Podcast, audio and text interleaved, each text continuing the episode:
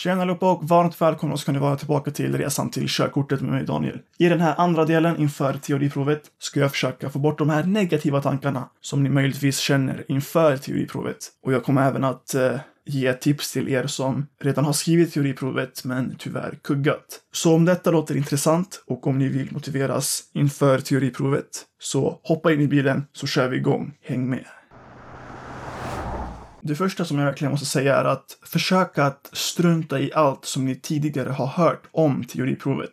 Skräm inte upp er i onödan, utan ha inställningen att ni kommer att klara det och försöka att visualisera när ni exempelvis har klarat av teoriprovet och tagit er ut ur provsalen och känner er väldigt stolta och väldigt glada över ert resultat. För om jag ska vara helt ärlig så har verkligen allting i livet att göra med vilken inställning som man själv har till saker och ting. Om du inför teoriprovet har en negativ inställning så kommer det per automatik att gå mycket, mycket sämre. Men om du däremot har en positiv inställning och känner att det kommer gå bra och att jag kommer att göra mitt bästa oavsett vad, då kommer det per automatik att gå mycket bättre eftersom att du känner av att du kommer att klara av mycket mer. Så tro verkligen på dig själv, även fast det kan kännas hopplöst inför teoriprovet. För det blir ju såklart svårare att klara av teoriprovet om du inte har rätt inställning. Och det här är också väldigt viktigt. Kom så förberedd som du bara kan så att du slipper tänka på att du hade kunnat göra bättre. Så gör ditt bästa på plats. Men om det inte räcker till så är det helt okej. Okay. Men försök ändå att göra allt som du kan. Gör helt enkelt ditt bästa. Kör på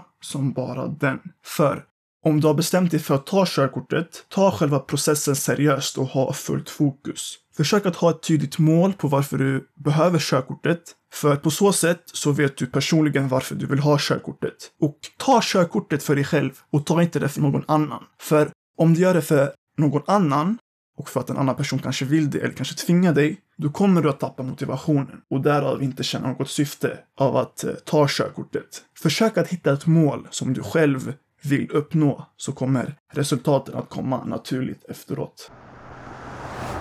Och ni som kanske är rädda för att kugga eller som troligtvis har kuggat så vill jag säga att det är normalt att kugga om det nu skulle hända. Men sikta inte in dig på att kugga utan från början ha en positiv inställning. Tänk att du kommer att klara av provet. Och om du redan har kuggat så vill jag bara säga att det är helt okej. Okay. Det är fullt normalt att kugga och det kan hända i princip vem som helst. Och om du redan har kuggat och ska skriva provet igen, försök att plugga antingen ännu mer eller använd dig utav andra resurser. Det kan exempelvis vara att du kanske tar teorilektioner hos en trafikskola om du inte redan har gjort det. Eller att du läser körkortsboken fler gånger. Men det kan ju såklart finnas andra faktorer som kanske gjorde att du kuggade, så försök att jobba på dem. Om du var exempelvis stressad, försök att hitta ett lugn inom dig innan du går in i provsalen igen. Men om du exempelvis pluggade för lite, plugga igen och plugga på ett annat sätt. Och det här gäller alla.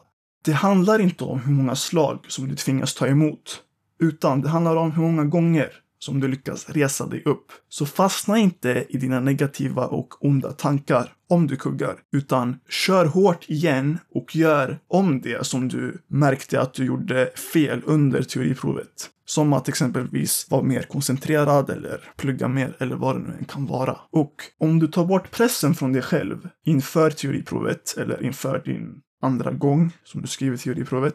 Om du tar bort pressen så kommer du känna att pluggandet och själva provet blir enkelt. För det är den här pressen som gör så att man helt enkelt presterar mycket sämre. Om du gör det för din egen skull och gör allt du kan och eh, får bort de här skrämseltankarna som du kanske har fått från andra personer, då kommer det att gå mycket, mycket smidigare. Och tänk på att för att du ska kunna nå höga höjder och få körkortet så krävs det motgångar. Tänk på att du kommer få körkortet. Börja bli målmedveten och sluta övertänk. För egentligen, vad är egentligen det värsta som kan hända? Okej, okay, du kuggar. Det är inte hela världen. Plugga lite mer och eh, kör hårt igen.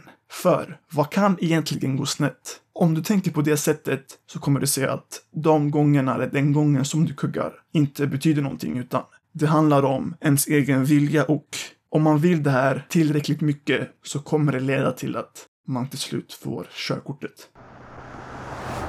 Så detta var alltså allting för det här avsnittet. Försök att verkligen eh, vara målmedvetna och eh, fokusera mycket på varför ni vill ta det här körkortet.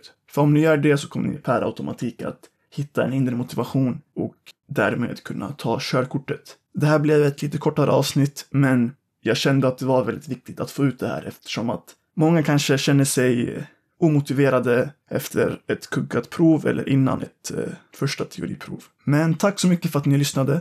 Dela gärna podcasten vidare så att fler personer får de här tipsen så att de därmed kan ta körkortet på ett mycket enklare sätt. I nästa avsnitt kommer jag att gå igenom tips inför uppkörningen och eh, efter det avsnittet kommer jag att eh, gå igenom samma typ av motivation som i det här avsnittet, men som är mer tillämpad inför uppkörningen. Tack så mycket för att ni lyssnade. Dela gärna. Det uppskattas verkligen. Ha det så bra. Kör försiktigt. Plugga så bra som möjligt. Så hörs vi. Hej då.